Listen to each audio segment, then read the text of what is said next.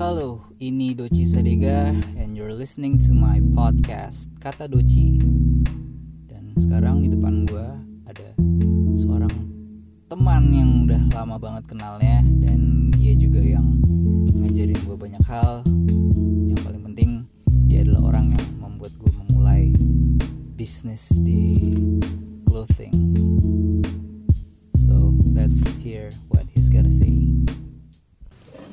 Jadi di depan gue sekarang ada yang baru aja meluncur uh, dari Duren 3 Duren tiga. Ini yang punya kunci Duren 3 nih Kenalan dulu, ada siapa? Halo, nama gua eh, Muhammad Praditya. Eh, biasanya teman-teman gua manggil eh, Adit, Mehmet, Max, apalah. Ya. Eh, gua dari Cruise. Dari Cruz Oke, uh, kalau ngomongin Cruz kita mundur berapa tahun dulu nih? Kita mundur berapa? Terserah. Cruise-nya sih udah 15 plus ya. 15 plus. Uh, Dari awal lo start Cruz ini berapa orang? Oh, eh Cruise itu pertama kali memang apa namanya? Jadi zaman-zaman gua kuliah dulu masih semester berapa ya? Eh, kayak tahun-tahun ketiga gitu, tahun Hmm. ketiga. Terus eh eh, itu awal mulanya memang eh kalau berapa orang awal mulanya gua waktu itu sebelumnya gue pernah punya clothingan iseng-iseng yang memang gue melihat bikin apa ya bikin kaos tuh kayak fun eh, ya seru-seruan lah gitu ya Hmm. terus nggak nggak jauh dari nggak lama dari terus gue bikin brand gue itu waktu itu emang nggak bermasa depan karena namanya juga tidak bermasa depan Apa tuh namanya? namanya plagiat Lagi karena menurut gue plagiat itu satu eh thank you. Plagiat itu suatu apa ya suatu awal mulanya lo bisa memulai sesuatu gitu. Ah, ah, ah. jadi akhirnya gue gua serta merta menamakan brand gue plagiat. Gue udah punya label apa segala macem. Wow, cuman- baru tahu nih ada. Lo, lo pernah ada ini. Once agak mulai serius Hmm. kayak enam bulan nggak nggak nyampe setahun sih gue mikirnya kayak wah ini nggak bisa panjang nih maksudnya Hmm. kayak emang fun making money? Karena memang di tahun segitu nggak banyak yang bikin kaos apa segala macam cuman gue nggak bayangin kayak apa nama plagiat lima tahun juga kayaknya keburu kena bully berbagai macam level masyarakat kayak lo nggak punya ide apa segala macam. Which is nggak ada sesuatu yang murni cuman plagiat terlalu frontal aja gitu frontal, akhirnya gue ya. pikir gue mesti bikin sesuatu yang Tapi baru mendingan lo mengklaim sendiri kalau lo plagiat daripada orang yang klaim lo plagiat kan ah, in a way. sebenarnya gitu. in a way juga begitu gitu ya cuman gue pikir ah gue pengen lebih serius aja lah Ah, akhirnya gue bikin oh ya udah gue bikin sesuatu yang lebih serius Ah, akhirnya gue ngajak eh, apa namanya eh, temen gue eh, SMA pada saat itu gitu hmm. udah jadi deh Eh, namanya Cruz Terus yang artinya kru. Cruz itu sebenarnya oke dari seasal itu gue bikin brand namanya plagiat sampai akhirnya pas lagi gue bikin Cruz gue bener-bener mikir gue nggak pengen ada nama brand gue tuh ada merupakan ada artinya dalam satu bahasa gitu Hmm. karena kalau lo ada artinya kalau lo dulu gue emang nggak berpikir panjang kayak mendabelkan Sunday gitu Hmm. which is oh iya bener juga ya kalau ada arti tapi didobelin juga nggak akan ketemu yang sama sih sebenarnya gue cuma mikir satu kata doang kayak eh, oke kalau emang itu ada artinya lo nggak akan pernah tahu di belahan dunia mana tiba-tiba mereka bikin itu dan akhirnya Jadi tualah dia tiba-tiba ya. gede terus Ah. ka- kita kalah gede terus kita yang nama. kita telap akhirnya kita nggak bisa ke mana-mana gitu karena gue pikir oh ya udah tapi filosofinya waktu itu gue mikir gue pengen ini panjang hmm.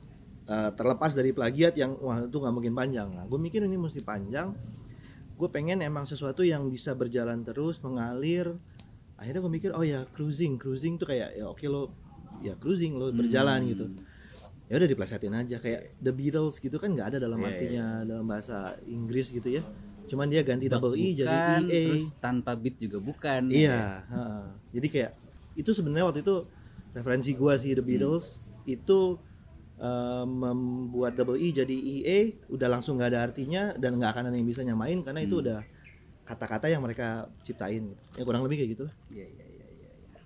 Jadi eh ini pertama kali si cruise ini langsung ada tempat apa lo gimana cara distribusinya? Apa eh, mulai dari teman ke dulu teman? nggak kepikiran bisa udah udah pasti lah awal-awal nggak bisa gede ya karena memang lagi zaman kuliah gitu Hmm.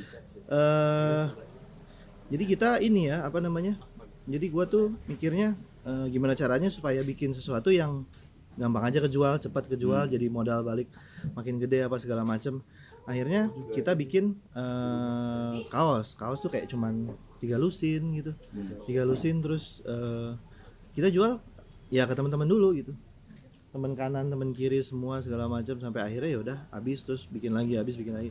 Ya kayak gitu sih simple. Jadi tempat sih nggak belum ada sih Belum di ada ya, awal. baru, jadi eh, habis jual to- eh, iya habis tangan ke tangan nitip di toko-toko yang ada toko teman ya kayak gitu Ini 2000 berapa tuh berarti 2003 2003 ya. Max memulai cruise jauh sebelum gue memulai Sunday Sunday. Bahkan pertama kali gue bergerak dan membuat satu brand itu pemicunya juga Max dan ini ceritanya.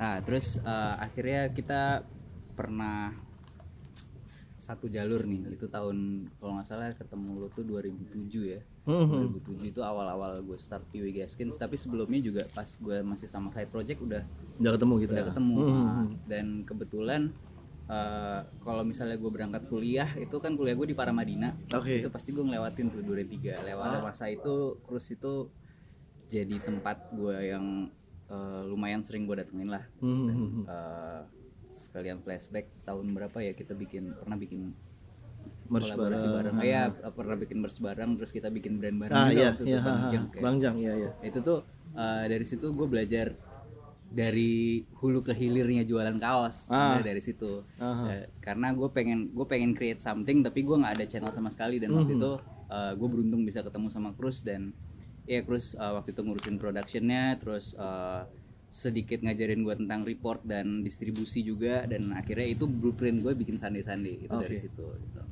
jadi terima kasih Max buat ah kesempatan ini. Kita sama-sama belajar lah. Dan itu dari dari 2007 sampai sekarang tuh udah 12 tahun lewat. Eh, apa yang paling signifikan beda dari cruise yang pertama lu bikin sampai sekarang ini? Yang signifikan berbeda eh sebenarnya bingung ya kalau ngomongin signifikan karena memang eh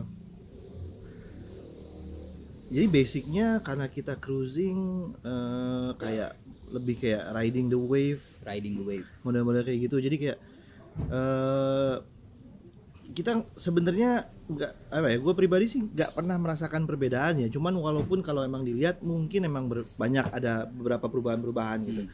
Eh cuma basicnya memang apa namanya yang dilakukan adalah yang emang kita happy happy aja pas yang apa namanya gue secara pribadi memang eh, senang lak- lakuin di pada tahunnya dan pada tahun itu sampai pada tahun ini kasarnya gitu. Jadi hanya sesimpel itu. Jadi kalau dibilang banyak perubahan sih enggak. Kayak misalnya contoh ini kalau ini pasti banyak pertanyaannya kayak gini. Dulu terus eh, segitunya ngurusin musik terus tiba-tiba kok sekarang jadi banting setir ke skateboard gitu. Hmm. itu banyak paling banyak pertanyaan yang kayak gitu sebenarnya dari 2004 Cruz itu skateboard dulu gitu Iya. bahkan kalau memang pernah lihat eh oke tahu Abi sekarang di Cruz apa segala macam Ah. itu di zaman SMA teman-teman anak-anak kuningan termasuk Abi dan kawan-kawan itu memang skateboardingnya di Cruz itu satu terus beberapa kompetisi kita eh, menjadi apa ya ya kasarnya kayak mereka-mereka termasuk Abi itu rider kita gitu pas lagi tahun 2004 kayak gitu-gitu.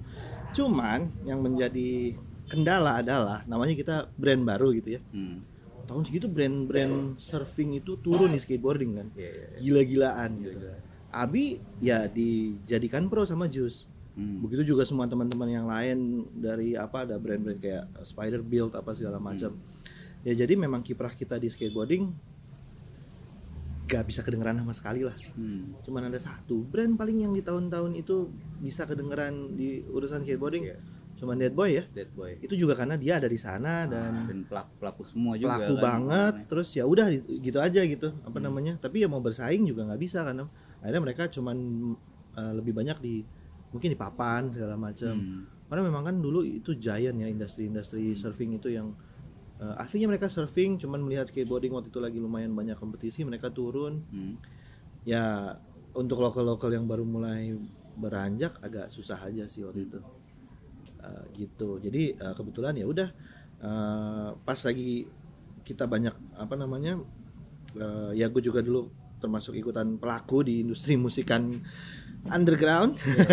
Ya Jadi- udah. Jadi Mas Max ini dulu vokalisnya Sweet as Revenge ya. Iya iya iya Iya,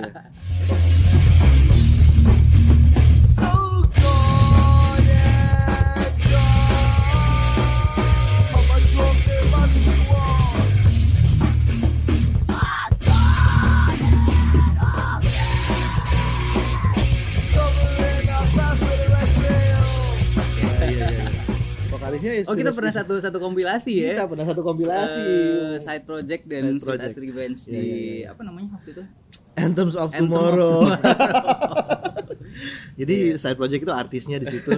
Kita cuman eh, tim Iya support. tapi tapi kita kita geraknya bareng tuh kalau misalnya misalnya waktu itu cuman sendiri dan nggak ada kendaraan itu gua rasa scene ini nggak akan gede gitu dulu nggak pernah nggak akan ngerasa eh, kita bakal kalah terus sama Bandung karena nggak ada pergerakan apa apa di Jakarta pada waktu, waktu itu. Ya, Iya. ya, ya.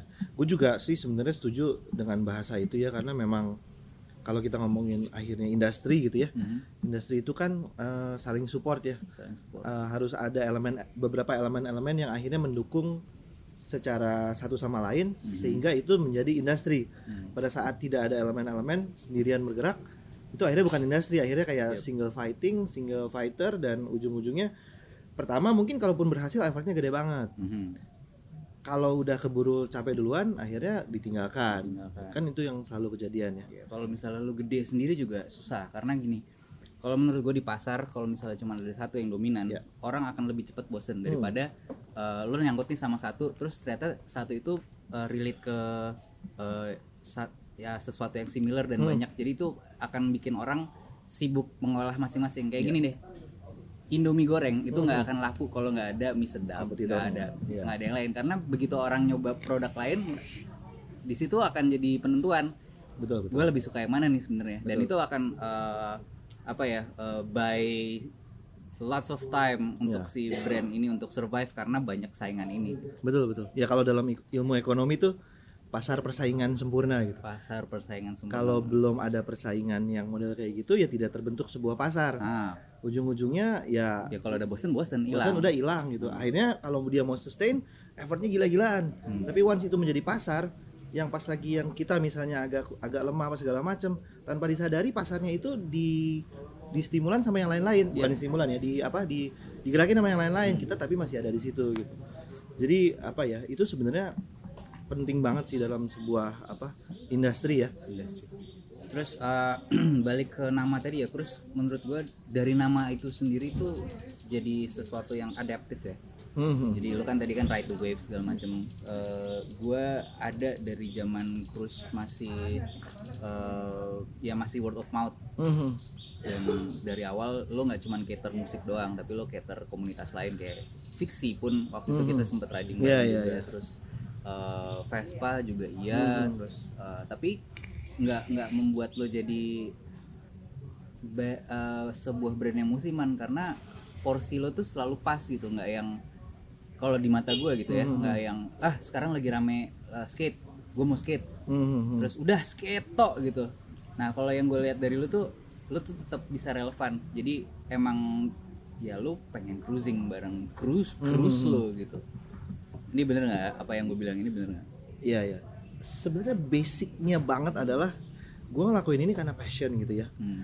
Jadi eh, hal-hal yang dilakukan itu nggak pernah dibuat-buat lah kasarnya gitu ya. nggak nggak ada istilah sell out jadi ya Em, ya nggak sell out satu, tapi gue lebih dari basicnya adalah lo nggak lo nggak wannabe gitu. hmm. Eh, Oke lo nggak ngomongin poser tapi lo lebih ngomongin wannabe karena ngomongin skateboard gue poser. Iya, gue selalu pengen jadi skater. Hmm.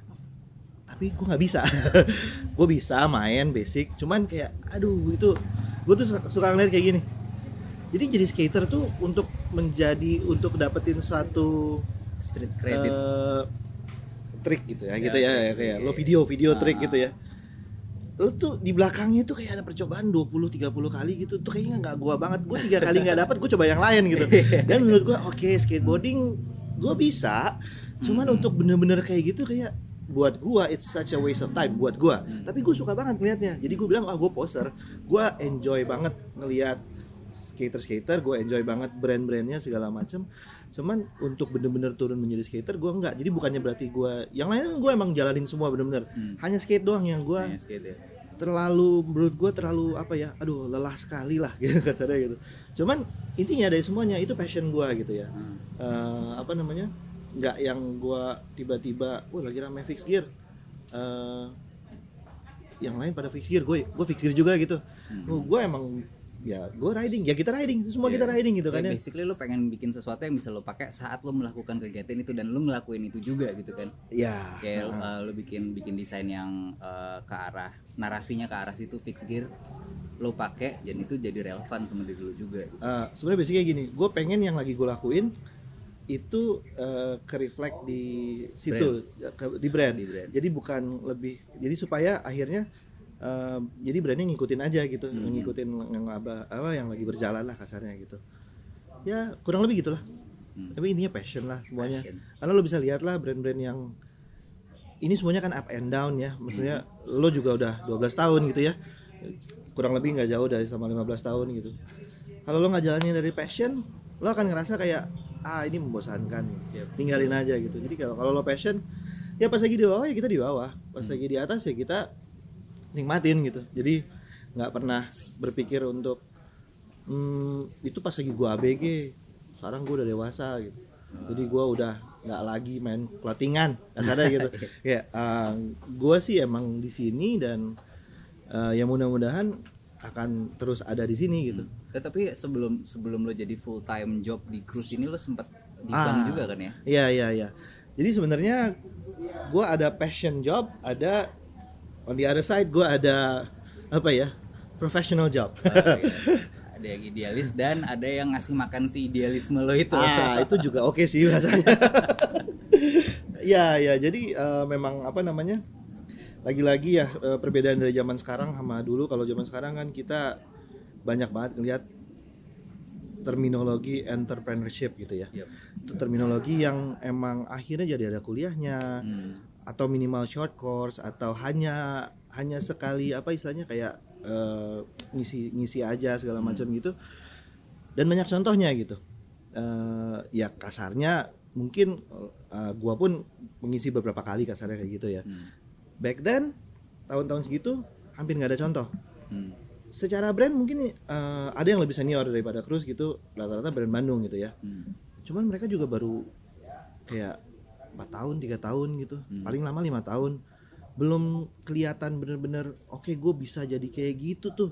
Pas lagi nantinya gedenya gitu. Hmm. belum bisa ngelihat kayak gitu gitu. Jadi kayak eh, di saat itu akhirnya gue mungkin harus eh, agak realistis akhirnya gitu. Hmm. realistisnya ya gue tetap jalanin si brand as a passion dan itu akan selalu ada gitu. Cuman di satu sisi lain gue juga ngejalanin eh, kehidupan eh, apa namanya kehidupan yang lebih realistis. Kasarnya sih kayak gitu ya.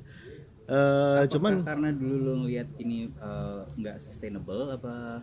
Belum ada contoh kali ya? Oh belum ada contoh. Belum ada contoh. Gue nggak jadi lo masih masih masih masih butuh sesuatu yang security gitu? Ya gue just itu. being realistic lah kasarnya kayak ini gue passion gue nggak akan matiin. Hmm. Eh, walaupun itu nggak untung pada saat itu gue Hmm. Kasarnya kayak gue nggak peduli lah ini jalan aja gitu. Uh, but Cuman- the fact that you quit the job and now full time in cruise? Nah kalau itu eh, udah lain cerita karena kayaknya gue udah 15 eh gue udah mungkin 10 12 tahun di di sisi profesional itu. Hmm. eh lagi-lagi mungkin ini balik lagi ke individu gitu ya. Gue selalu suka challenge eh, apa eh, di situ gue ngerasa dulu sisi profesional itu gue bukan sesuatu yang gue passion gitu. Hmm. Tapi that's a challenge gitu. Challenge-nya adalah gimana caranya gue ngejalanin yang bukan passion dan jadi gitu. Eventually sampai akhirnya gue mencapai satu posisi tertentu yang menurut gue udah kayak wow apa? Gue kayaknya udah kejauhan nih. Hmm. maksudnya gue mau mau kayak gimana lagi gitu. Eh, pertama gue nggak nggak passion di situ terus udah sangat kejauhan lah menurut gue akhirnya di situ gue pikir ini mungkin jadi apa ya leapnya gue lah untuk mencapai sesuatu yang memang benar-benar baru. Ya alhamdulillahnya kan udah ngumpulin pundi-pundi untuk survive lah gitu ya segala macam. Ya udah gue beresin eh, apa gue eh, balik emang ya full time di cruise akhirnya gitu. Hmm. gitu. Oke, terus uh, mulai dari kapan uh, Cruz itu mulai masukin brand kayak Benny Gold, Treasure, ah Vans.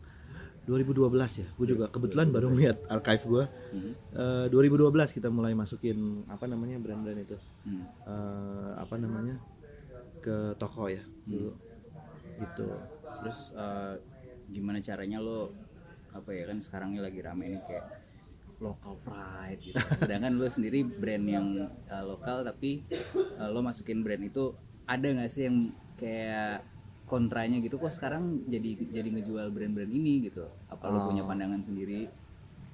Eh, Oke local pride itu bagus ya maksudnya hmm, ini sebenarnya reform dari eh, di tahun 97 tuh support your local act atau support your local brand tuh yang di hashtag yang digerakin sama 347 dulu. Hmm.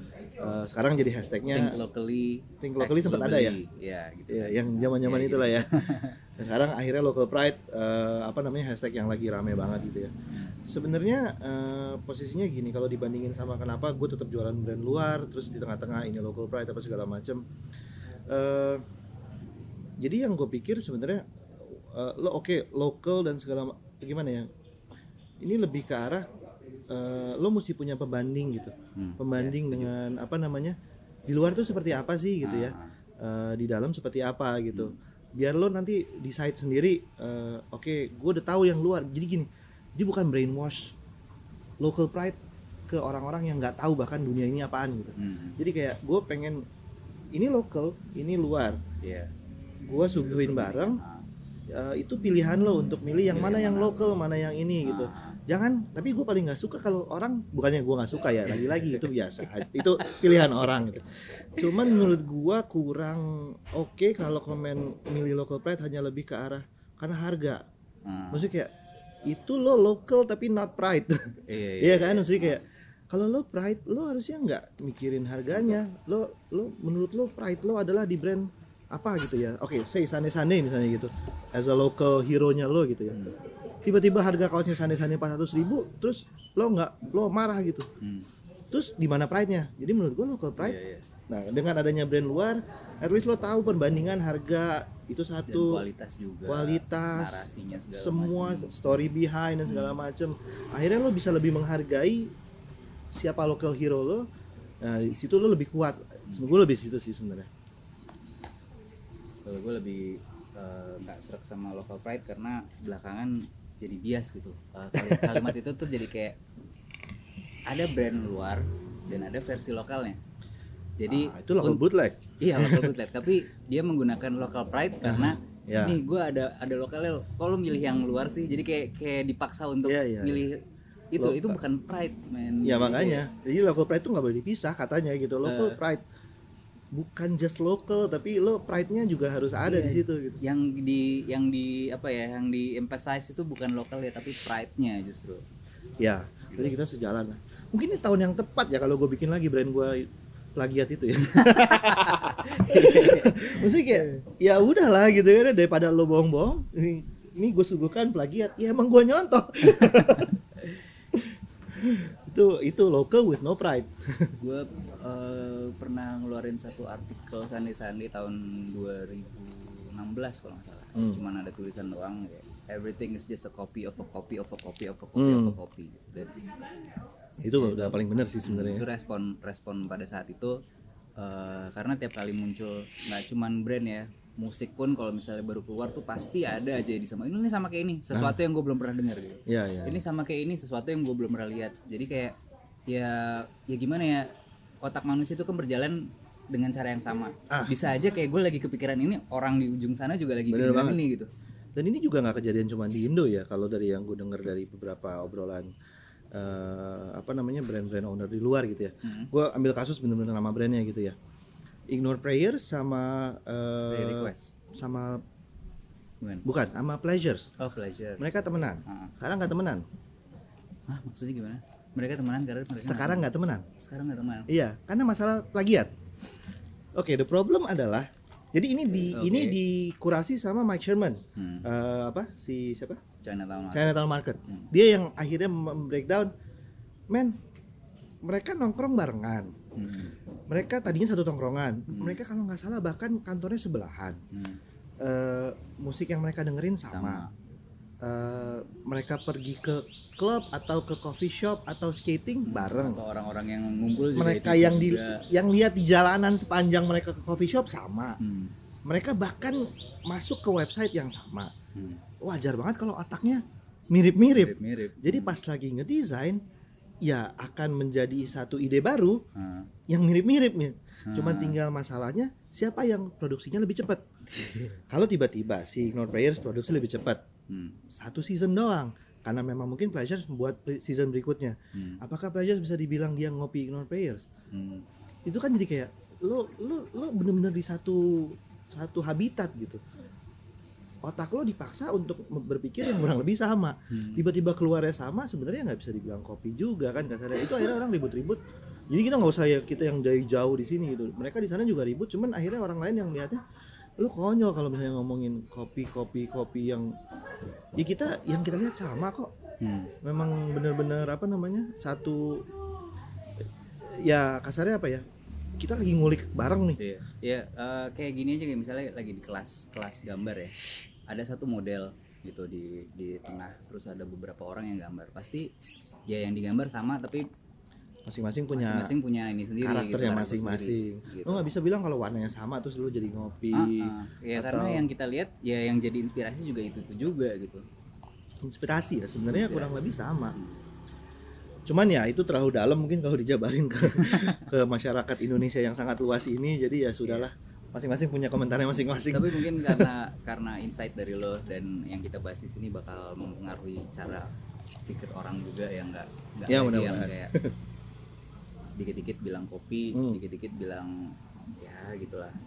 Terus eh, apa lagi ya? Eh, tadi udah cater brand-brand luar juga. Terus eh, ngomongin market nih. oke Kan kalau gue perhatiin mulai dari tahun 2015 apa 2014 ya Mhm. sejak si Mas Erik ini masuk Mhm. kan mulai tuh cross market Ya. uh, sneaker Aha. segala macam uh, ada impact yang kerasa nggak di situ Eh, impact pastilah ada apa namanya ada sesuatu yang fresh lah buat kita semuanya ya apa namanya pergerakan yang fresh di apa di cruise sendiri gitu ya. Eh, apa namanya eh karena kita akhirnya ter- lebih open lebih mata kita lebih terbuka untuk hal-hal yang eh, di area situ gitu ya. Eh, satu dan lain hal impact tuh bisa positif bisa negatif gitu ya Hmm. impact positif mungkin ya tergantung bagaimana lo melihatnya. Kalau gue pribadi as a- eh, apa namanya sebagai cruise-nya gitu ya gue oh gue lagi happy gue happy menjalankan ini karena ternyata story-nya lebih dapat segala macam gue lebih nyaman dengan apa yang gue lakukan segala macam somehow mungkin market nggak terlalu menerima. Kalau boleh ngomong I don't care sih gue I don't care ya kasarnya kayak lu belum nyampe ya udah ya sudah lah. Terus kayak bang bikin monster lagi dong bang. Aduh itu Oh, kayak itu. bang. Itu juga gue sering tuh gitu.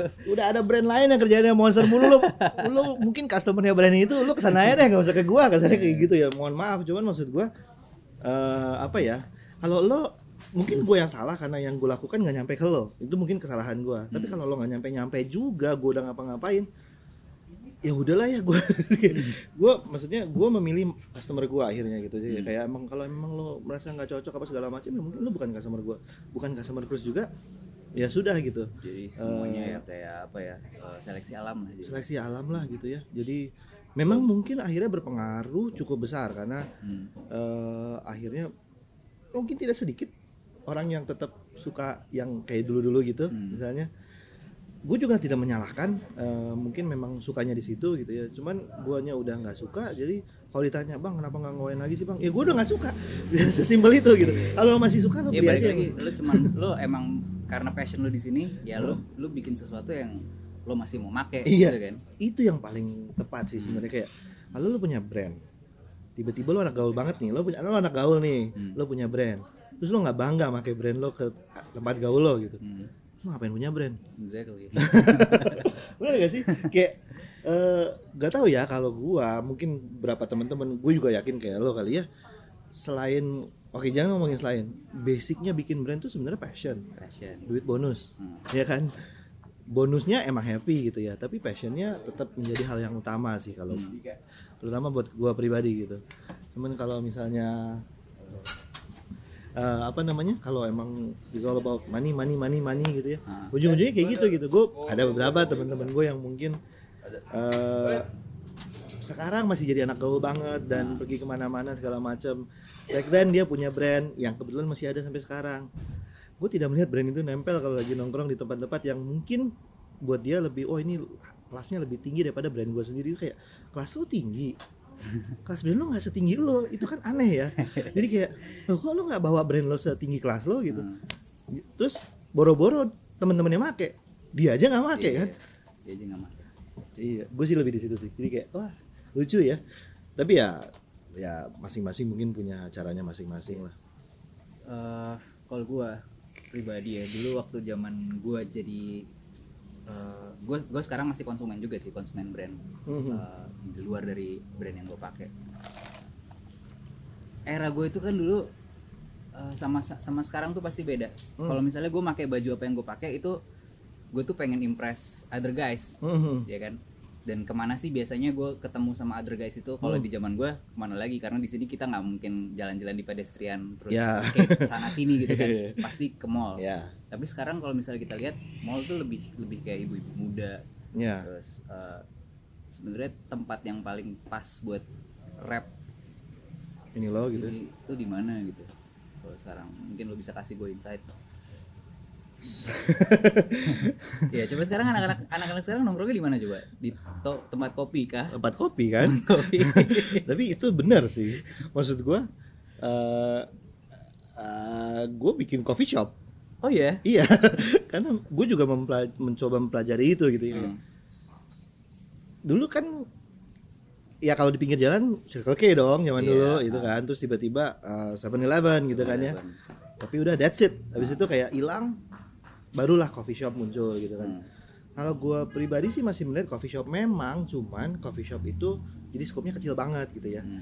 Eh, apa namanya kalau dulu kan mall Hmm. besar Hmm. coffee shop kan ya udah gitu mana ada coffee shop yang coolnessnya kejaga tapi gede gitu Hmm. rata-rata yang coolnessnya kejaga nggak gede-gede amat Hmm. yang yang gede-gede amat tuh ujung-ujungnya kayak standar lah kayak di dunia-dunia clothingan streetwear segala macam once lo gede jadinya kesannya sell out itu sebenarnya hal yang aduh lo harus jaga banget balance-nya antara lo pengen gede Hmm. masa lo nggak gede-gede gitu ya tapi kalau lo udah gede gimana caranya lo kesannya tetap cool nggak Hmm. sell out tapi Hmm. ya lo sell out making money ya, ya, kayak gitu gitu jadi skopnya kecil tapi menurut gue memang sekarang coffee shop sih yang lagi lagi apa ya orang hang out dan segala macam walaupun mall juga masih lumayan untuk beberapa event-event Hmm. Tertentu ya kayak apa namanya ya event-event mall yang kayak sneakers Ya, ya, acara-acara ya. sneakers gitu ya ya, ujung-ujungnya ketemunya di situ di, ujung-ujungnya acara-acara itu gitu. kayak gig di Ah. umuran segini lah ya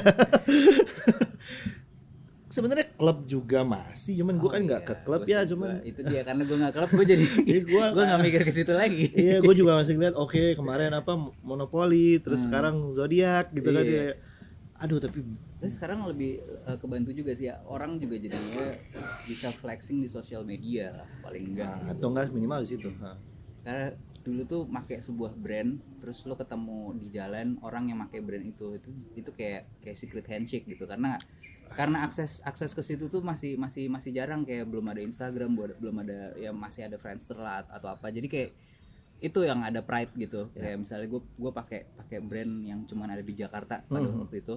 Terus gue ketemu orang yang pakai juga kayak gue lo cool man gitu. Lo kayak gue kita satu bahasa gitu. Iya benar benar. Nah itu gimana caranya kita bisa eh, apa ya eh, ngebentuk kayak pola pikir seperti itu lagi gitu. Gue persis banget sih. Kalau gue bilangnya gini eh ada ada waktunya dulu eh cie terus kayak menguasai pim gitu Wah, iya. Iya, ada iya. waktunya dulu lah ya gitu ya kayak oke anak-anak yang pakai krus emang kebetulan nongkrongnya di pim dulu. Eh, dan bahasa gue adalah we like brothers man kalau ketemu kayak Iya. ha. oke lo sama gue oke Karena ya, karena akses ke situ juga belum ya, belum semua orang kayak bisa gitu, tahu gitu. benar benar emang akhirnya kan yang harus dijaga lagi-lagi itu once lo pengen go big lo harus jaga coolness lo supaya kesannya kayak lo tetap cool pakai itu tapi secara brand juga lo harus gede gitu. Jadi kayak ada orang yang ngomong enggak lah kalau brand udah gede langsung gak cool gitu. Ah kalau lo bikin usaha terus lo nggak mau gede. Ya lo forever begitu gue sih menurut gue itu bukan usaha Iya, ya iya, kayak iya. lo apa ya successful di itu harus berjalan bersamaan dengan coolness ya. Itu juga sebenarnya secara apa kalau secara komposisi ya secara ingredients gue juga lagi menggodok ulang gitu ya. Salah satunya adalah ini successfulnya eh sorry keberhasilan dari penggodokan ulangnya belum belum kerasa mungkin gitu ya cuman salah satu yang kita lakukan adalah oke 15 tahun gua sekarang memposisikan Cruise tuh nggak 15 tahun Cruise tuh nol Hmm. Tuh eh, startup company Cruise tuh emang baru kemarin Belajar sore lagi, dibikin belajar lagi, belajar pertama lagi. lo harus belajar lagi kedua lo harus lo udah nggak ada muka kayak lo baru pertama kali bangun brand gitu ya Hmm. lo kan kayak nggak ada muka gitu mesti kayak lo hai ke sana hai ke sini hello gue mau kenalan lagi. kenalan lagi. Lo bukan siapa-siapa lo eh, pengen kenal sama dia as in dia yang emang artisnya apa segala macem atau apanya gitu. Jadi kayak ya udah gue memposisikan eh, gue pribadi dan terus secara keseluruhan kayak kita emang anggap aja startup company. Cuman the problem is startup company dengan a lot of eh, ini apa? Opex. Itu yang berat sih. Lo startup lo nggak ada opex. Itu udah paling Iya, happy sebenarnya gitu. Tapi lo ngaku lo startup opex lo udah kayak gini ah, gimana caranya nih kawan ya udah di situlah ini challenge terbesarnya sebenarnya kan lebih di situ. Lo lo anggap diri lo start, startup itu cuman masalah eh, ego lo direndahin Hmm. opex bukan ego opex is reality Reality. jadi lo nggak bisa oh ya udah itulah harus lo cari-cari cara lain buat ini sih Cruise ini kan salah satu yang ada rekognisi dari internasional. Nggak cuma di Indo juga, lu bisa tembus ke Jepang waktu itu, Malaysia juga, Malaysia Malaysia, eh, Filipina. Filipin Ya, eh, ini ini buat ngasih eh, apa ya ujangan. hmm. Kan banyak nih pertanyaan gimana sih caranya eh, brand brand kita bisa tembus ke pasar luar. oh. Karena yang yang dilakuin Chris kan beda sama yang sekarang dilakuin nih. Oke. Kayak band-band eh brand-brand Dover Street Market yang dari Indo. Iya iya iya. gitu kan. Gimana kalau dari sisi Chris? Eh, sebenarnya sih nggak beda-beda amat. Basicnya adalah connection, sama-sama lah ya. Iya. Cuman mungkin connection back then sama connection zaman sekarang ya agak berbeda cerita ujungnya gitu ya. Dulu lo masih tulis surat nggak sih? Apa udah bisa WhatsApp? Lu mesti tahu orang Jepang nggak WhatsAppan. Mereka cuma mau pakai line Ah, doang ah. sama email. Jadi gue emailan, which is surat elektronik. mereka nggak mau WhatsAppan. Lu bagi mereka kayak ini bukan gua, gua tuh line. Iya, kayak iya, orang Cina makanya WeChat. Iya iya iya. udah se se ekstrim itu mereka dengan produknya mereka gitu. Oke kembali lagi ke kenapa harus bisa akhirnya sampai ke sana. Sebenarnya sih ujung-ujungnya koneksi gitu ya. Gue selalu percaya yang namanya eh, apa namanya eh, mutual relationship lah ya. Eh, saling menguntungkan saling memberikan eh, value added atau value intrinsic money yang emang benar-benar eh, berasal di satu sisi satu sama lain gitu. Eh, memang pertama kali yang kita eh, apa namanya eh, tembus itu market sebenarnya Malaysia Malaysia. awalnya dari Malaysia itu eh, Siapa yang ngebawa awalnya tuh ke situ? dulu kalau ngomongin Enswag bukan? bukan eh, Malaysia tuh sebenarnya kita eh, apa namanya apa nama bandnya Eh, Incarnation Oh, Indonesia. Ada band namanya Incarnation kebetulan main di Jakarta Hmm. eh di tengah-tengah semua orang pengen ngobrol sama personal band Hmm. gue ngobrol sama yang non personel Hmm. yang happens to be dia fotografer Oke. justru dia yang akhirnya lebih punya sisi pemikiran bisnis dan segala Hmm. macam dari situ akhirnya dia yang bawa uh, cruise di Malaysia Hmm. dari adanya cruise Malaysia beberapa akhirnya benar-benar cruise Malaysia tuh dalam artian ada ada kantor ada studio foto ada segala Hmm. macam sekomplit itu sampai kalau ada band mas main ke Malaysia itu Representnya dari si Cruise cruise Malaysia. Akhirnya muncul orang-orang Singapura main di Malaysia. Jadi cruise Singapura tapi nggak se eksklusif Malaysia lah ini ya. Hmm. eh, apa namanya mereka represent eh, apa namanya kru Singapura di sana segala macam udah punya dua negara. Hmm. Gongnya sebenarnya di Singapura gong lebih luasnya. Karena dari mana-mana mau main di Singapura. Hmm. akhirnya dari Jepang dari sini dari situ apa segala macam main semuanya maunya di Singapura. Ya ketemulah di situ akhirnya band-band dari Jepang band-band dari Australia semuanya diperkenalkan sama kru Singapura. Akhirnya eh, semuanya kan dibalikin ke Indonesia gitu ya. Hmm. Eh, mulai membuka satu sama lain. Eh, sebenarnya story yang itu sih simple ujung-ujungnya connection gitu. Kalau lo nggak making connection ya lo nggak bisa ke mana-mana juga gitu ya. Hmm. apa pun bentuk connectionnya gitu ya. Pada saat itu seperti itu. Mungkin kalau sekarang connectionnya ya nggak tahu ya. Kalau harus disco gitu gitu. Ya nggak tahu juga. Not being sarcastic tapi eh, mungkin kayak gitu ya itulah connection lah ya. Iya. nah eh, di situ akhirnya mu- ya oke. Bukan di situ letak pembelajaran terbesarnya. Hmm. cuman letak pembelajaran terbesarnya adalah kok bisa sekarang pada nggak ada semua? Itu sih sebenarnya yang paling seru buat lesson learn gua pribadi. Mungkin juga bisa buat teman-teman yang lain gitu ya. Start dari Jepang. Tadi gue udah sempat eh, sebelum direkam sempat cerita kalau Jepang itu akhirnya kita nggak pernah eh, oke kita deal apa bukan deal kita making connection sama eh, orang yang nggak into fashion sebenarnya. Tapi mereka record label Hmm. punya record label gede company benar-benar company gitu ya terus ya ini uh, etikanya orang Jepang memang bagus banget gitu ya karena mereka udah positif bekerja sama dengan kita mereka happy apa segala macam Hmm. mereka decide untuk bener-bener bikin cruise Jepang itu establish Hmm. bukan cuman sekedar distribusi Hmm. Uh, mereka pengen Jadi entity sendiri. jadi entity sendiri di ujung bang nah yang sana ya pak problemnya pas lagi di situ ternyata ada berbeda pandangan Hmm. Uh, kita semuanya melihat kan, oh di Jepang harganya mahal-mahal, brand keren-keren, even brand brand independennya juga keren dan mahal apa segala macam. Tiba-tiba there's a Japanese little guy ngomong ke kita kalau gue masih nggak ngerti sama Cruise dan teman-teman semua yang di brand-brand kayak gini, kenapa harga lo mahal-mahal banget? Kalau lo bandingin sama Uniqlo, dia sebut Uniqlo, which is produknya mereka juga, memang nggak bisa disalahin. Kualitasnya bagus banget, harga bisa murah banget. Kenapa lo nggak bisa bersaing sama harga segitu gitu? Gue bingung mau ngejawabnya aja gue bingung gitu karena lo harus napak tilas 10 tahun ke belakang lo kayak ny- nyeritain Iya, untuk, untuk perbedaan bisa, bisa dapat price points gitu juga itu kan banyak effort yang dikeluarin buat iya yang kayak gitu-gitu jadi kayak waduh bingung kan gue mau jawab apa gitu terus akhirnya dia memang agree bukan dia agree dia offer eh, sejumlah uang sebagai apa namanya kayak license buat jadi cruise Japan sendiri plus nantinya per desain dia akan bayar tapi dia pengen produksi semua dari dia dia karena pengennya produksi dari China Hmm. itu satu hal yang sebenarnya cruise pengennya gue pengennya Indonesia yang keluar ke sana gitu Hmm. bukan just the brand pada saat itu gue mikirnya begitu Hmm. tapi yang lebih nggak pengen yang akhirnya nggak cocok adalah dia pengen harganya ya kayak Uniqlo gitu Hmm. Eh, buat cruise bukan di situ compete-nya ya karena kita lebih ngomongin ini brand brand yang nggak pengen jadi segede itu banget juga. Hmm. Eh, ini pengen tetap ada pride-nya satu hal. Terus kedua uangnya juga nggak cukup buat bikin sampai segede itu kan. Lo ngomongin Uniqlo gitu yang kayak tujuh lantai gitu satu toko kali berapa toko di seluruh Jepang. Lo mau compete sama begituan? Gue juga hitung-hitungan matematika SD juga kayaknya nggak mungkin deh sampai ke sana.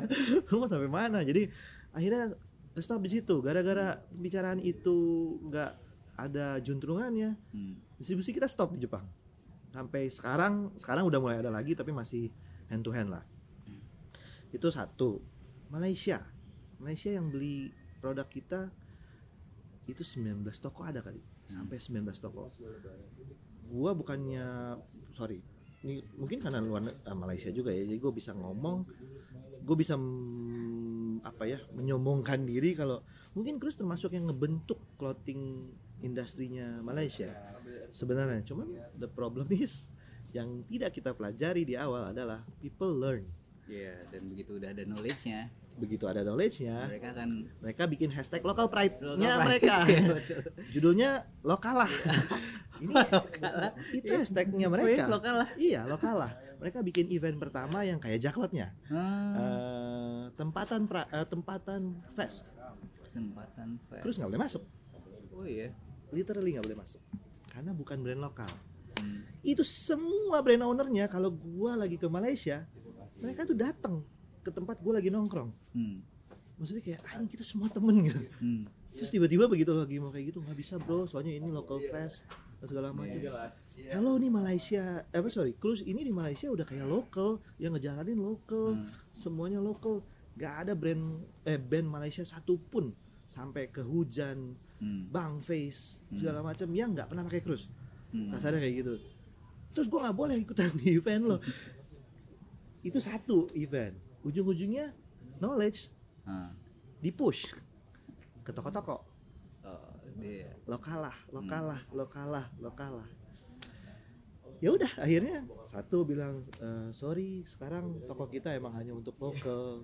Hmm. Dua, tiga semuanya hanya untuk lokal. Berarti ya kalau ngomongin local pride lebih ekstrim di Malaysia ya. Dia sampai ngekick Dia brand-brand luar benar-benar di kick, Ah. terutama brand Indonesia karena nggak lama setahun dari itu mereka masuk Supreme. Nah, Jadi kayak oh lokal lo bukan buat brand Indonesia. Kecuali brand Indonesianya ada kepentingan buat mereka kayak produksi jeans. masih ada toko-toko denim kayak tokonya si Tarik itu masih masuk brand lokal eh, Indonesia kayak gitu karena mereka nggak bisa akses tempat jeans dan- sendirian Oh, kalau yang brand clothingan segala macam mereka tuh produksi semua sama orang Indonesia kalau nggak emang produksi di Bandung atau orang Iya, iya. Indonesia yang pindah ke Malaysia Hmm, banyak banyak kok eh, banyak temen gue yang ngurusin sampai mereka kan ada apa eh, merek liquid vape tuh Hmm? terus produksi merchandise segala macam ya Di dari Indonesia. Bandung nah. terus ada tulisan Made in Malaya Eh, nggak tahu gue Mostly tapi iya ada. mostly ada ya. ini nyebelin banget sih local pride. Ini next levelnya local pride ini nih. next level. You boys belum nyampe sini. Ini gila. Wah gila ini super local pride. Gue sampai kita sampai kayak terhempas dari Hmm, kekuatan local pride-nya mereka sih sebenarnya. Itu sih sebenarnya jadi kayak pelajaran memang apa ya banyak cerita lah. Hmm, akhirnya kita mikir ya udah kalau gini caranya mungkin kita harus cari jalan lain buat uh, penetrate market-market itu hype hype. Kalau ya hype. hype hype kan eh, berarti kan ngomongin business of hype si Cruz ini juga kan cater brand-brand yang hype ya. Lo cater Stussy lo juga jual Supreme juga. Eh, tapi nggak di toko sih ya Ya, kadang-kadang maksudnya ya. kalau event. Iya iya. Terus eh, apa apa aja? Fucking awesome. Uh, Fucking Awesome nggak terlalu. Stussy Palace sih lebih paling Stussy banyak Palace. ha. Hmm. terus selebihnya eh sorry Supreme Palace. Uh, Stussy nggak terlalu sekarang. Hmm. Selebihnya masih brand-brand uh, brand-brand Fairfax Hmm. masih geng-gengan yang barengan sama Fairfax ya zaman zaman hundreds Hmm.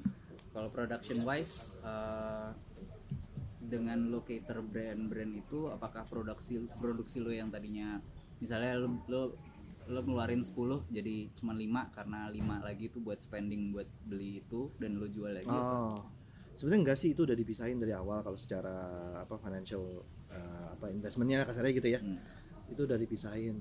Cuman lagi-lagi sebenarnya eh eh, apa ya brand-brand gue juga belajar banyak dari akhirnya jual maksudnya kita bukan pedagang tok. Kasarnya kayak dengan barang-barang itu kita pegang kita jadi belajar bagaimana bentuk bagaimana hand feel bagaimana apa namanya arahan belum lagi kalau lo emang kalau kayak Supreme sama Palace mungkin eh, kita kan nggak purely eh, wholesaler kan ya Hmm. jatuhnya kan kita wholesale tapi harganya Supreme itu agak agak unik cara wholesale-nya Hmm. Eh, maksudnya lo nggak nggak wholesale reguler lah gitu cuman kalau yang lain-lain kan masih wholesale reguler Hmm. kan which means kita dapat segala macam pre-order pre-book Hmm. 6 bulan 9 bulan sebelum dari situ kita jadi bisa tahu semua yang akan mereka lakukan dalam bulan enam bulan lama. ke depan Eh lebih lebih dulu. Iya kayak gitu hal-hal kayak gitu. Jadi itu bisa belajar dari warna warna bahan yang akan uh, mereka pakai, terus arahan Desain, warna arahan. desain, 6, segala macam. bulan ke depan bakal apa yang keluar Iya. enak ya bisa bisa dapet insight itu berarti lumayan. 6 bulan sampai setahun lagi. gue bagi dong follower Ini gue belum pernah buka ke siapa-siapa sih sebenarnya rahasia ya. tapi eh, ya itu make sense sih Tapi kalau gue punya akses ke situ juga pasti gue belajar dari Tapi Indonesia. tapi eh, eh, gua sendiri sebagai brand yang punya reseller gitu ini juga gua alamin kayak beberapa toko yang eh, apa ngebawa ngebawa sandi-sandi gitu Hmm. yang udah dapet pre-order melakukan hal yang sama melakukan hal yang sama, kayak, kayak desainnya ke arah situ terus eh, ya keluarnya jadinya mereka produksi sama sama sama jarak PO sama gue produksi itu jadi kayak keluarnya tuh bareng gitu dan ini nyebelin gitu menurut gue Nah, gue sekarang belakangan agak melihat Indonesia kalau secara urusan yang begini-begininya agak lumayan up to date nih. Hmm. Eh, kayak the downfall of eranya 2000-an awal, Hmm. beberapa yang survive, beberapa yang akhirnya give up, beberapa yang akhirnya pura-pura nggak mati tapi sebenarnya udah nggak ada. Hmm. Eh, itu lumayan update gitu ya. Nah, akhirnya gue belajar isti- apa situasi ini gue belajar dari Eric Brunetti pernah posting Hmm. uh, Eric Brunetti Fudge Hmm. Eh, jadi ada pertanyaan yang intinya kayak ke mana barang-barang lo di tempat wholesale lo semuanya gitu. Hmm. terus Eric bilang eh untuk sebenarnya gini untungnya itu eh Insta Story jadi nggak semua orang sempat ngeliat Hmm. dan menurut gue itu ilmu banget. Ya, kebetulan gue lihat gue mungkin share di sini.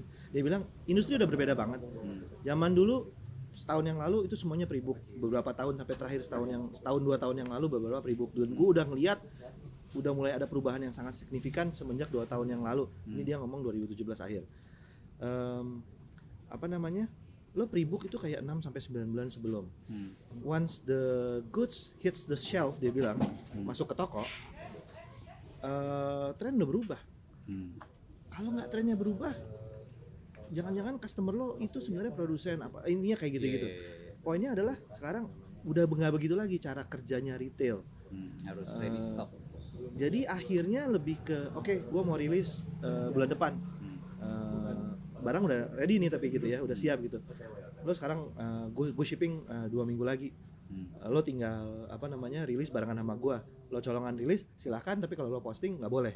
Rasanya kayak gitu. Jadi emang udah harus sependek itu. Sebenarnya gitu kalau akhirnya gue masih buka wholesale kata- katanya si Eric gitu ya. Hmm.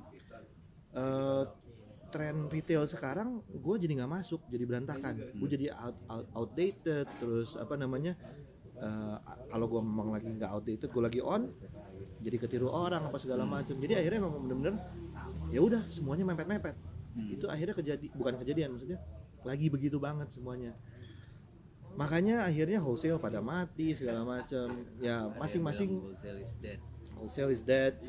Masing-masing mencoba dengan caranya masing-masing gitu ya kayak Fudge akhirnya ngekat wholesale misain kayak cuma 3 sampai 5 toko gitu. Hmm. Ya emang yang edisi buat wholesale emang beda sama yang mereka akan keluarin sendiri Itu the gitu kan. hundreds. iya mereka ngeluarin edisi wholesale Hmm. itu nggak sama sama edisi-edisi special Hmm. jadi mereka punya edisi special dari kayak di- kalau ada hundreds yang gua cukup uh, look up to the hundreds tuh di tengah-tengah semuanya pada hancur-hancuran the hundreds uh, manage to survive dengan cara barunya dia yang dia nggak mengecilkan size tapi dia create cara baru gitu jadi kayak wholesale itu tetap jalan tapi barang-barang yang memang bukan ngejagain hype-nya mereka Hmm. mereka punya barang-barang yang ngejagain hype mereka yang mereka nggak keluarin Hmm. buat wholesale sama sekali gitu jadi kayak oh beda-beda lah ini ya. Eh, ya kita akhirnya meniru beberapa cara salah satunya kayak 2017 kita tidak ada wholesale Hmm. sama sekali karena kita ngerasa kayak wholesale ini agak membuat peredaran jadi terlalu mudah. Peredaran barang jadi terlalu banyak sehingga akses jadi terlalu mudah. Hmm. jadi akhirnya kita cut semua wholesale. Eh, apa namanya? Kita hanya direct to consumers. Eh, ya udah sama event Eh, event kita masuk event-event baru segala macam. Terus impactnya business wise dan profit Eh, wise belum bisa secepat itu. Oh ini karena masih 2017 juga ya? Ini yang diomongin sama Benny Gold. Benny Gold pas lagi diwawancara sama Jeff Staple Hmm. terus nggak lama dari wawancara itu dia tutup. Tutup. Dan, dan sekarang tokonya tutup diganti jadi half ya? Iya, Ham masuk lagi balikin sama dia. Hmm. Gua nggak mau kayak gitu yang pasti. Gue sampai DM Benny terus gua ngobrol, gue bilang, "Man, is that is this answering your apa namanya question?" Waktu itu kan si Haf eh si Jeff ngomong nanya ke Benny soalnya. So is being uh, exclusive, being apa namanya more apa ya istilahnya more ya eksklusif lah ya gitu ya. Hmm. Itu does it really pays the bills? Ah. terus Benny Gold bilang nggak tahu terus gue tanya lagi pas lagi udah tutup Hmm. jadi kasarnya kayak bro jadi ini nggak pay your bills dong gitu ya it's hard man. Oke gue juga belajar dari situ. Akhirnya oh nggak bisa kayak gini-gini amat. Akhirnya hasilnya gue buka. Cuman dengan cara yang lebih uh, cantik lah kasarnya kayak gitu. Eh, terminologi distro pada saat itu kan memang distro itu lebih ke distribusi ya. Tapi sekarang kalau kita lihat kan setiap toko pasti punya in-house brand Ya. yang akhirnya in-house brand itu belajar dari brand-brand yang mereka cater juga. Oh itu kita ya kan? mengalami sangat. Dan, Dan market yang... kita tinggalin diambil semua sama dia. Ah ya iya, dia iya, di mereka- pulau luar pulau Jawa. Terus kayak mereka eh, belajar dari brand itu terus makin lama mereka ordernya makin kecil makin kecil sampai akhirnya nggak ada. Bener. dan brand mereka yang akhirnya hidup sendiri gitu. Bener itu satu hal. Terus kedua dengan mereka menjadi authorized wholesale loh Hmm. Mereka kayak dapat stem. Kalau mereka stem coolness lah atau apalah gitu ya sejajar dengan brand yang di cater juga kan. iya padahal kita padahal dia belinya juga nggak banyak banyak amat jadi kayak oh kalau kayak gitu. Nah, gue boleh ngomong soal retail nggak sedikit? boleh boleh boleh. Jadi sebenarnya ada problem yang cukup oh, nggak boleh. lanjut lanjut lanjut Enggak lah. Kata Erik nggak boleh di rahasia perusahaan. soalnya. Cuma no no no no. no. Gue cuma sedikit masalah uh, retail ini maksudnya retail di Indonesia, dalam- Indonesia. Retail Indonesia. ngomongin. semua keseluruhan. Hmm, oke Eh, Oke, gue nanya ke Benny Gold gitu ya. Eh, problem dari Fairfax Gang Streetwear Mhm. dengan distribusi mereka adalah apakah mereka akan terima order dari Zoomies atau tidak. Hmm. Itu problem terbesar mereka di awal-awal. iya dari dulu kan gitu Eh, karena kalau lo going big, lo sell out. Hmm. You're not going big, lo nggak jadi apa-apa. Ah. Itu kan problem dari mereka. Oke, pertanyaan gue sih sebenarnya bukan di situ. Kenapa eh, yang menjadi pro? Gue penasarannya gini, lo take order from Zoomies itu kan anggap aja Zoomies kayak di sini Point Break gitu ya. Hmm. Yang lo bayangin kalau tiba-tiba Point Break ngomong, "Eh, halo bro, eh, bisa nggak cruise masuk ke Point Break? Yang lo Hmm. bayangin apa kira-kira? Weh, gue boleh distribusi di Point Break, which is gue naro nitip consignment Hmm. itu sebenarnya menurut gue totally wrong secara secara apa ya secara bisnis retail gitu ya Hmm. ada sekolah kuliah yang sangat mahal lu di Paris di Milan apa segala macem untuk jurusan yang namanya buyer. Hmm. terus buyer ngapain di Indonesia? Buyer milih-milihin doang untuk brand-brand consignment. Itu kan bukan buyer. Hmm. jadi kayak Sogo kayak eh, semua brand-brand itu. Mereka punya buyer tapi mereka nggak buying. Itu maksudnya kayak lo lo ekosistem lo ada chain of food. Hmm. lo potong satu chain of food untuk ganti itu kayak ngerusakin ngerusakin apa namanya ngerusakin ekosistem secara sendirinya gitu. Gue nanya ke Benny Gold kan Zoomies itu bayarnya di depan apa di belakang? Di belakang setelah sales atau kayak gimana? No Zoomies pre-book just like you. Jadi kayak oh point break pre-book? Kayaknya nggak mungkin ya di Indonesia. Itu kayak satu hal yang impossible gitu. Cuman itu berlaku di seluruh dunia gitu. Itu yang akhirnya menurut gua sekarang salah satu yang membuat eh, secara retail kita sulit berkembang. Hmm. kenapa? Karena eh, posisi buyers itu di satu department store atau saat ya Good Step is a department store kan beda-beda kelas Sogo juga department store dengan apa levelnya masing-masing mereka harusnya punya buyer buyer itu yang membaca kebutuhan tokonya apa Hmm. mereka memenuhi kebutuhan toko dan bertanggung jawab atas barang-barang yang mereka penuhi di tokonya Hmm. which means itu barang toko dia Hmm. bukan barang supplier Hmm. kalau ada masalah dengan penjualan udah salah dia kan? Kata dia. Makanya dia juga nge-push supaya barangnya barangnya laku kan. dia nge-push barang yang laku. Si supplier nggak pusing-pusing. Sekarang ini kalau posisinya consignment sane-sane masuk dong ke apa goods dep gitu ya. Hmm. tiba-tiba nggak laku.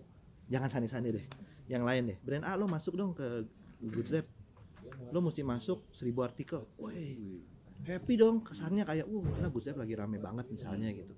Tiba-tiba nggak laku. What's next brandnya bangkrut kan? Hmm. jadi kayak lo naro eh, kesalahannya eh bukan kesalahan potensi kerugiannya di si brand. Padahal yang tahu toko lo ya lo bukan brandnya.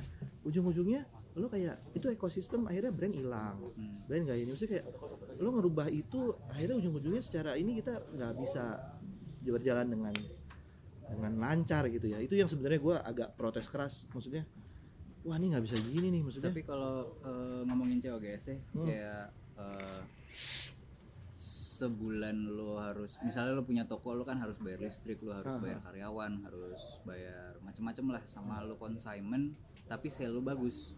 Sell through-nya tuh sebenarnya bisa ini nggak? Hmm, plus kalau misalnya misalnya di uh, let's say good step itu kan berarti kan aksesnya lebih gampang. Memang cuman itu kayak bumerang ya eh kayak bom waktu ya menurut gue ya hmm. maksudnya kayak lo kan nggak pernah tahu itu sale bagus dua faktor pertama dari tokonya sendiri kedua dari brandnya Hmm. itu dua hal yang lagi klik Hmm. tapi kalau lo satu hal doang lo masih lebih mudah jaga variabelnya Hmm. kalau dua hal dua variabel tiba-tiba lagi nggak klik berarti ada yang salah nggak tahu dari tokonya apa dari brandnya lo jadi dead stock ujung-ujungnya siapa yang rugi Iya. kita yang rugi kita yang- itu kayak eh hmm, Zoomies juga bagus banget penjualannya tapi mereka beli putus kenapa kayak Boost Dive segala macam mereka nggak mau beli putus Hmm. itu yang sebenarnya secara resiko apa eh, bukan resiko secara ekosistem eh, kita memang mungkin masih belajar banget ya secara keseluruhan gitu. Hmm. gue punya teman masalahnya dia lulusan dari Milan Hmm. as a buyer Hmm. sekolah dia mahal banget Hmm. ini bisa didengar sama dia nggak ya jangan sampai mudah-mudahan maksudnya dia kayak banci banci kayak gitu gitu ya. Eh. menurut gue dia cool banget. Dia tahu semua brand apa segala macam. Tiba-tiba dia kerja di salah satu departemen store di Indonesia. Hmm. terus dia nyariin consignment. Terus gue sampai ngobrol lo ngapain kuliah-kuliah? Gitu. Gue aja jadi bayar kalau di situ. Kalau cuma mikirin consignment lo nothing tulus. Lo cuma mikir bagus apa nggak di toko lo? That's it kan? Hmm. kalau lo nggak jualan ya udah cut ganti lo cuma lain. income-nya doang nggak masuk tapi Hmm. resikonya nggak ada. Hmm. jadi lo cut yang lain. Lo nggak mikirin secara ekosistem akhirnya lo bisa nggak punya supply lo karena Hmm. brand mati semua gara-gara lo nggak Hmm. lo nggak jadi nggak apa nggak bikin penjualannya bagus jadi kayak wah ini nggak bener nih, ini harus dirubah makanya eh, apa eh, ya itu sih sebenarnya yang menjadi apa concern terbesar ya Hmm. gue selalu cita-cita sih gue denger apa mungkin lu juga dengerin business of hype ya ada Colette ada Iya, dari iya. mana segala macam semuanya mereka bilang buying kok nggak pernah ada yang bilang consign Iya. Mereka semua bilang buying dan mereka semuanya all effort untuk ngelakuin barang yang di tokonya Hmm. Ya, kayak gitu sih Dia, sebenarnya. eh, ngomongin Colette, Colette, Sarah Colette dia ngomong nothing good last. Sampai akhirnya Colette ya tutup saat mereka lagi gede-gedenya. gitu. iya Nah, itu gue nggak ngerti tuh itu udah di atas cara berpikir gue tuh Terus eh, lima tahun ke depan, lima tahun ke depan eh sebenarnya gue lagi seru-serunya sih sekarang sama Cruz. Bener-bener lagi kayak em, apa ya eh, lagi full fokus di Cruz terus gue ngerjain semuanya jauh lebih detail sekarang. Jadi emang ekspektasinya lima tahun ke depan eh, going back international sih. Hmm. dengan cara kita nantinya yang ketemu jalannya entah seperti apa gitu. Iya, kalau- kalau kalau ngomongin hype kan berarti kan kita ngomongin in the now. Kayak Oke, oke. hype yang Hmm. sekarang sama hype yang lima tahun lalu, 10 tahun Ya. lalu itu beda. ya ya Berarti kan eh, lu lu udah mulai ngebaca nggak sih dari dua- 2019 inilah Eh, oke kalau apa yang bakal turun, apa yang bakal naik? eh itu eh, agak lagi gimana ya? Gue mulai ngebacanya gini sebenarnya. Eh, pergerakan Supreme segala macam itu kan mungkin dimulai 2012 ya. Hmm. Cuman baru gong bangetnya kan di 2018. Eh ada lima tahun lah anggap aja gitu ya mau 8 ta 6 tahun sih gitu ya Eh, masanya gitu gong ini kan sebenarnya antara dia jadi saturated atau dia akhirnya lompat ke next level. pindah bracket gitu kan ya Pindah pindah bracket. bracket Eh, gua sih pribadi melihat Supreme pindah bracket Hmm. jadi mungkin dia udah nggak di level bawah lagi. Beberapa cool people di industri mungkin nganggap Supreme udah nggak cool anymore. Tapi eh, ada yang eh, apa namanya gue nggak buying lagi. Gue pakai oke tapi gue nggak buying lagi ya maksudnya kayak itu udah overrated lah apa segala macam. Jadi eh, tapi emang dia pindah bracket gitu ya. Eh, yang level atasnya juga pindah bracket. Jadi kayak ngebikin bracket baru in between gitu. Hmm. yang tadinya high brand super high brand mereka turunin bracket mereka di bracket yang belum ada tadinya mungkin Hmm. ditempelin sama Supreme yang tadinya lebih di bawah akhirnya bikin bracket baru gitu Baru. eh berarti kan kita ngomongin di level streetwear segala macam ditinggalkan kan oleh Hmm. eh, apa namanya petinggi-petinggi yang lama antara dia pindah bracket atau dia collapse Hmm.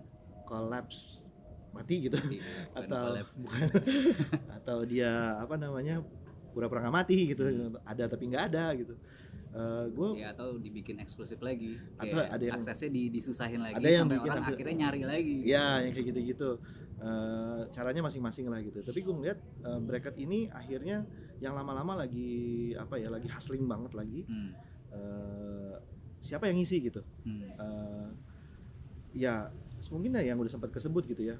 Pergerakan geng-gengan DSM itu kan udah mulai dari 2015 ya Hmm. kalau gue lihat gitu ya. Hmm.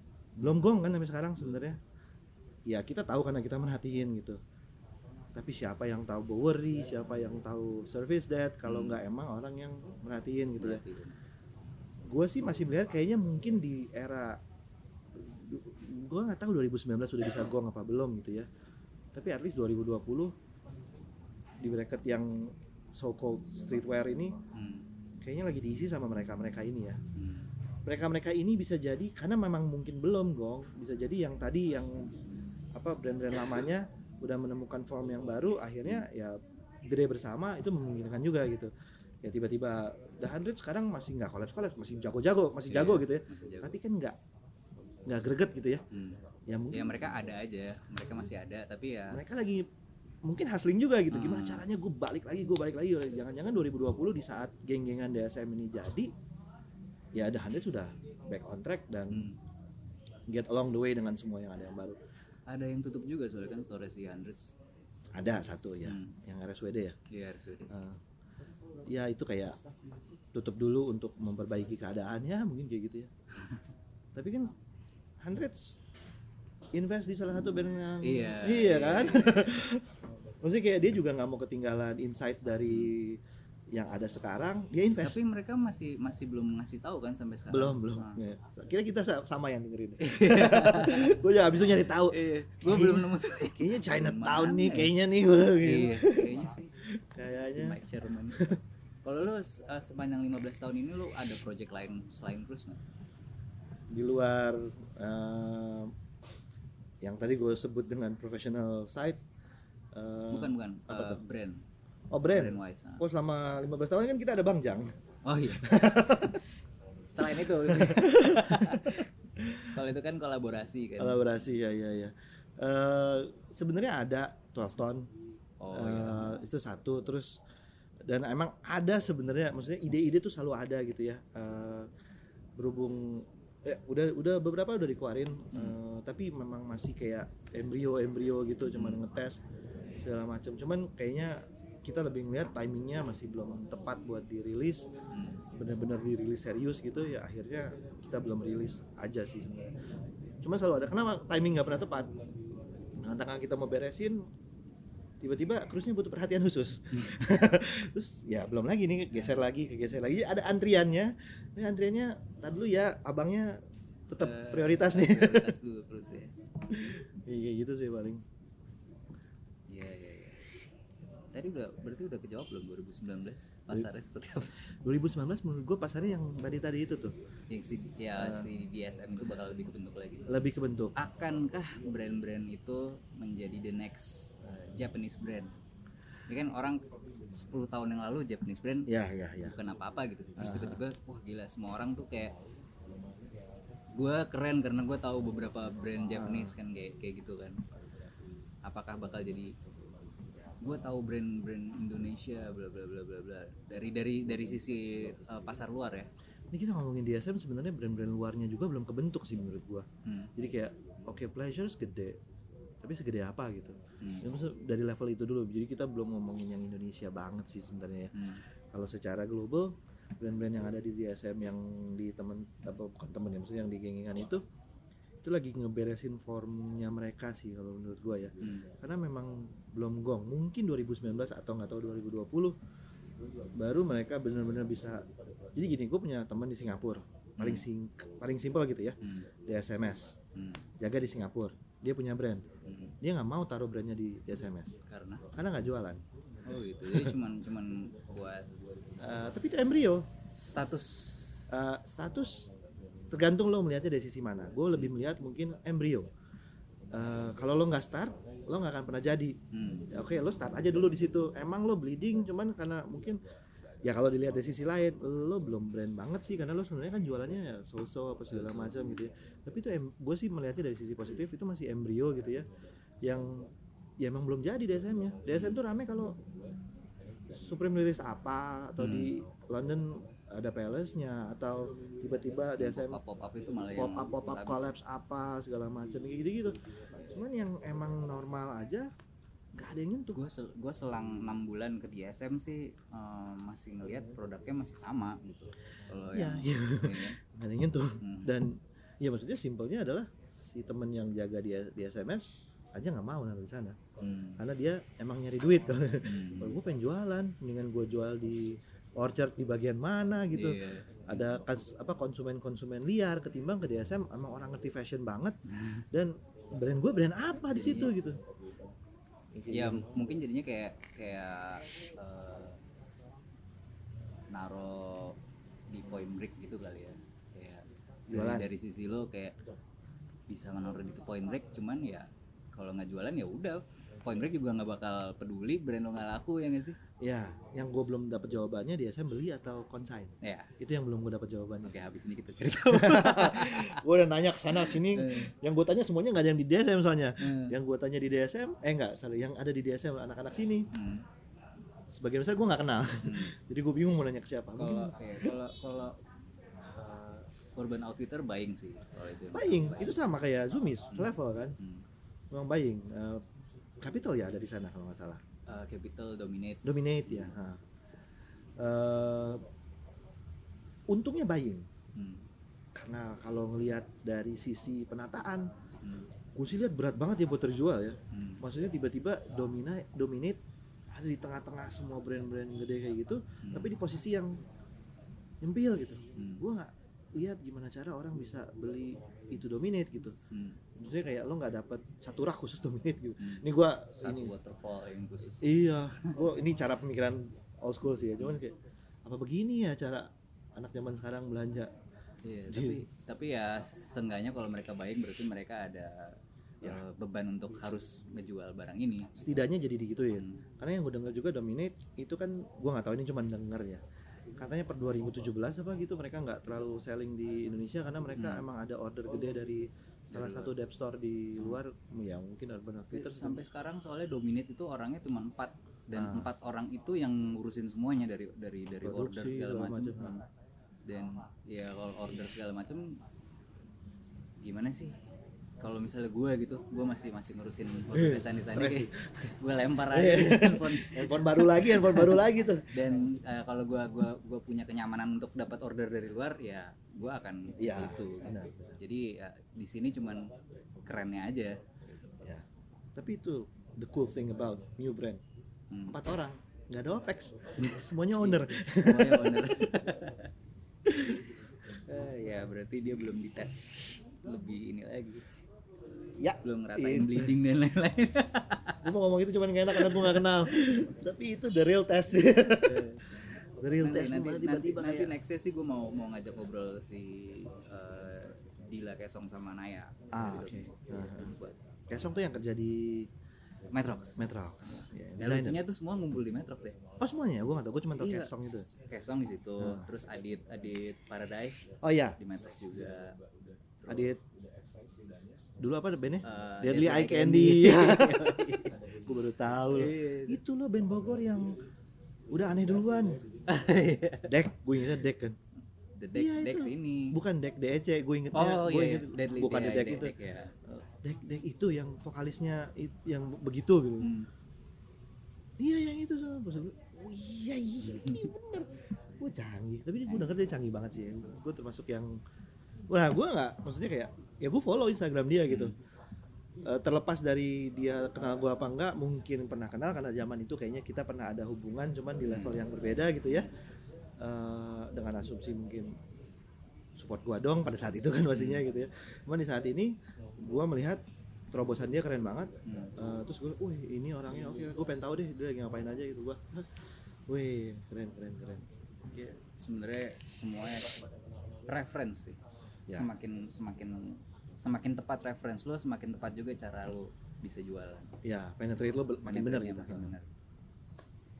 Last, ngomongin apa ya? Apa dong? Apa dong yang belum dibahas nih? apa ya oke balik lagi sebenarnya secara hype Hmm. Eh, lo pasti kan pengen ngomong kalau lagi nge-hype nggak hype gimana gitu Hmm, hmm, basicnya kan sebenarnya di situ kan ya Hmm. bang lo nggak hype terus lo masih bisa jualan gitu Hmm. sebenarnya sih nggak itu sebenarnya yang paling paling crucial dari semuanya gitu ya kayak lo go with the flow aja maksudnya lo nggak hype tapi lo seneng lo jalan jadi jangan pernah mikirin ah lo gue pengen brand gimana caranya jadi hype ah itu mah kayak Hmm. bikin aja dulu gitu kalau lo happy lo seneng lo jalanin nggak hype juga lo happy Jadi kalau once lo nggak happy ternyata wah nggak respon marketnya nggak oke nih Hmm. kayak gue pernah dengar bahasa yang posting cuman 500 yang like delete Oh ya. dari Ada. salah satu Hmm. interview itu gitu kayak anak zaman sekarang brand zaman sekarang posting ngetes. Tes berapa menit? Eh, 30 menit misalnya gitu. Hmm. cuman 500 gitu. Target mereka 2000 wah nggak oke nih delete. Sih kayak wah kita sih ya udah emang ternyata marketnya nggak suka kita lagi begini Hmm. tapi kita lagi begini. Mereka ya udah seleksi aja. Lo bukan termasuk dari hanya sesimpel ngehit like. Gitu. Eh, tadi tadi lo sempat bahas eh, kalau terus mulai dari nol lagi, Hmm. belajar dari nol lagi. Eh, apakah lo juga menutup akses cruise yang lama? Maksudnya ketika lo ngomongin sosial media kan lo ngeliat Instagram posting-postingan lo yang lama masih ada apa enggak? masih Masih. Hmm. Ya berarti Uh, itu yang berat banget untuk kita hapus sebenarnya gue tiap malam ngeliatin itu hmm, ada ada yang gue nggak suka gue archive nggak suka gue archive Hmm. tapi ada 2000 postingan gitu kayak kayaknya gue bukan tipe yang segitu bisanya langsung melupakan history banget iya iya iya. cuman memang sebenarnya cool juga kalau tiba-tiba gue cuman kayak postingan saat ini doang Hmm. itu cuman untuk saat ini gue masih belum bisa cuman yang nggak terlalu relevan yang masih kejangkau dengan scroll gue gue archive gue soalnya kejadian juga di Sandi tahun 2016 eh gue ngerasa narasinya sudah mulai membosankan buat gue Ah, oke. gitu. jadi akhirnya gue pengen start lagi dan waktu zaman dulu belum ada archive ya Oh, iya. kalau lo mau delete, harus ya delete. delete, gitu. dan itu tuh kayak gue mikirnya aduh gue delete gak ya gue delete akhirnya gue gue delete terus gue mulai lagi dari awal dan ah gue jadi nyesel lu jadi lebih keren jadi, tapi. jadi jadi jadi, jadi gue nggak bisa nggak bisa ngelihat brand gue berkembangnya seperti apa soalnya soalnya sebenarnya Instagram itu patokan gue juga Iya, iya, dulu iya, gue iya. kayak gini sekarang gue kayak gini Ah. begitu gue hapus yang lama gue jadi kayak kehilangan jati diri gue yang dulu padahal itu yang ngebentuk gue sekarang Iya. Cuman di di sisi lainnya lo lebih komitmen dengan membentuk sesuatu yang baru. Gue agak kurang committed. sih. Karena even ada archive pun gue nggak melakukannya gitu kayak masa di archive sih gue masih pengen. Padahal lo bisa lihat kalau secara admin kan lo bisa lihat di archive di folders ya kan. Tapi gue tetap nggak. Tapi ya yang nggak nggak yang udah nggak re- relevan dengan kondisi sekarang banget bangetan itu gue archive. Oh, tadi ada ada satu pertanyaan yang gue pengen tanyain tapi gue lumayan lupa nih. apa ya eh Oke, gue cerita sedikit. Mulai dari nol, gue sampai pindah tempat produksi. Semuanya gue ganti. Maksudnya kayak gue starting dengan eh, sesuatu yang fresh gitu. Gue pengen dealnya baru. Gue pengen semuanya baru. Jadi eh, semua tempat produksi gue ajak ngobrol ulang yang nggak masuk dengan konsep gue sekarang. eh, ya udah berarti emang kita nggak bisa kerja sama lagi kayak gitu. itu yang gue lakuin di 2019 gue pengen 2019 em, baru lagi makanya pas peralihan 2018 dan 2019 keputusan gue yang paling berat adalah gue ngekat head eh, designer gue Hmm. Kamil gue Oh, iya karena gue pengen pengen pengen pengen Wah, ini masukin- Kamil denger ya? pengen, pengen pengen masukin sesuatu yang bisa Fresh. ngasih nyawa baru Oke. tapi eh, arahan narasinya masih sama cuman cara penyampaiannya beda oke. dan menurut gua sebuah brand itu bisa berkembang butuh butuh satu masa di mana lu tuh bikin dialognya harus satu arah doang Oke. karena kalau misalnya dua arah up, eh, lu bikin sesuatu dan ada yang komen itu bakal bakal mempengaruhi eh, apa pemikiran lu ke depan kayak ya kayak tadi kalau kalau udah nggak bikin monster lagi kalau lu dengerin itu lu bakal bakal mikir-mikir Apa iya ya gue iya, bikin special iya, edition iya. gitu. Nah, eh, sampai akhirnya gue dapet satu eh, pemikiran bahwa I started this brand because uh, I wanna wear Ya. what I create dan orang ngikutin apa yang gue pakai Mhm. not the other way around Ya, ya. ya kan kayak Kan lu, lu you don't dictate me Iya. what to do gitu Yeah, man, I don't need your style, man. Yeah. You need my style. iya, iya. gitu. Dan eh, ya itu juga yang akhirnya membuat gue eh, berani untuk mengambil keputusan yang ya kayak gitu. Gue harus merubah ini jadi seperti ini. Gue harus harus harus ya pasti ada yang nggak suka kayak kok jadi kayak gini sih. Balik lagi dong kayak dulu. Ya ini narasi gue sekarang. Iya, ini yang iya. relevan sama gue gitu. Itu yang gue lakuin. Gitu. iyalah sejalan lah persis banget maksudnya kayak eh ya gua nggak bisa sekasar Supreme mengeluarkan narasinya dia fakam gitu ya tapi intinya sih gitu Dengan versi halus ya. dengan versi halus kayak I don't give a shit nah, sama aja Iya, enak lah enakan kayak gitu lah maksudnya kayak lo simple jadi kayak lo nggak nggak nggak nggak nggak kepikiran apa-apa yang lain-lain segala macam Tapi terus lima desainer Hmm. sekarang tinggal satu Iya, yang lainnya freelance. Eh, yang lain freelance cuma maksudnya in house nya tadinya lima Hmm. Eh, ya kurang lebih kejadian-kejadiannya sama lima in house bahasa mereka sama apa tiap setiap desainer tuh punya punya karakter Eh, ada karakter pasti masing-masing cuman kan ada apa namanya istilahnya kayak eh, ada brief top downnya ada brief gitu sebenarnya cuman nggak terlalu nggak terlalu keras Hmm. nah begitu gua full time di sini top down gua keras Hmm. gua maunya gini lo nggak suka ya mungkin lo emang nggak cocok. As simple as that. Jadi mungkin tapi kita tetap make friends. Jadi kayak ternyata semuanya jadi freelance di Cruise sekarang. Tapi bisa top down. Karena as a freelance. Jadi kayak gue maunya kayak gini gini gini sekarang. Cuman kalau ngomongin freelance sama ngomongin in house kan kalau in house kan kalau in house nggak gua nggak tahu sistem lah ya. Kalau in house kalau di gua in house berarti udah uh, salary-nya udah udah fix gitu sedangkan kalau freelance ya sesuai Ya. yang mereka kasih. Hmm. itu ujung-ujungnya lo spendingnya lebih banyak apa? Lo lebih banyak in house lebih banyak in house hmm. Karena in house bisa nggak ngerjain apa apaan Iya. nggak ngerjain apa apa tapi tetap dapat gaji ya? Kalau lo tiba-tiba nggak suka sama desainnya sama sekali apa kalau paksakin paksain itu masuk? Nggak juga kan? Ujung-ujungnya kayak enggak lo desain lo nggak masuk. Terus tiba-tiba kok yang ini nggak masuk mulu ya? Nah, berarti dia nggak ngerjain apa apa dong dari kemarin-kemarin. Wow nggak gabut ini kayaknya kelebaran ya apa perlu masih di record, Ya, nanti, ya? nanti kan masih, Iya, iya. hype udah terus eh, DNA-nya Cruz udah ceritanya udah what's next for Cruz juga udah. I I think we're done here. Oke. Terima kasih banget waktunya. Eh what's next kita lagi bikin skate park. Oh iya? Iya. Oh di di samping ya? Di, di semua area di luar toko. Oh Jadi yang itu- yang tadinya ada Circle K? udah di udah roboh. Udah roboh. Kantor semua belakang roboh udah rata. Sekarang lagi mulai bikin beberapa hal. Eh, kayak maksudnya supporting ininya dulu Hmm. baru nanti eh, ke arah skateparknya cuman intinya sih bangunan udah roboh semua. Nice. Eh, ini gue pengen jadi skater. Masa gue lu, lu jadi lu jadi satu-satunya brand yang masih bertahan punya toko nggak sih? Kalau kalau lihat dari angkatan dulu dari angkatan 2000-an iya. 2003 Hah? eh, iya kan dari dulu di Duren 3 depends on how you define brand. Kalau belum masuk brand dia masih punya toko. Oh iya. Tapi dia brand apa enggak itu aja. Kayaknya sih udah nggak ada brandnya. Iya, kayaknya sekarang udah jadi toko barang orang semua kayaknya ya. kayaknya. Alright kalau gitu. All the best for cruise. All the best buat Doci dan semua yang dilakukan. Kayaknya banyak banget Sunday Sunday Piwi dan yang project-project lainnya. Thank you udah udah uh, ngasih insight-insight dan semoga berguna bagi pendengar dan halayak. Sama-sama thank you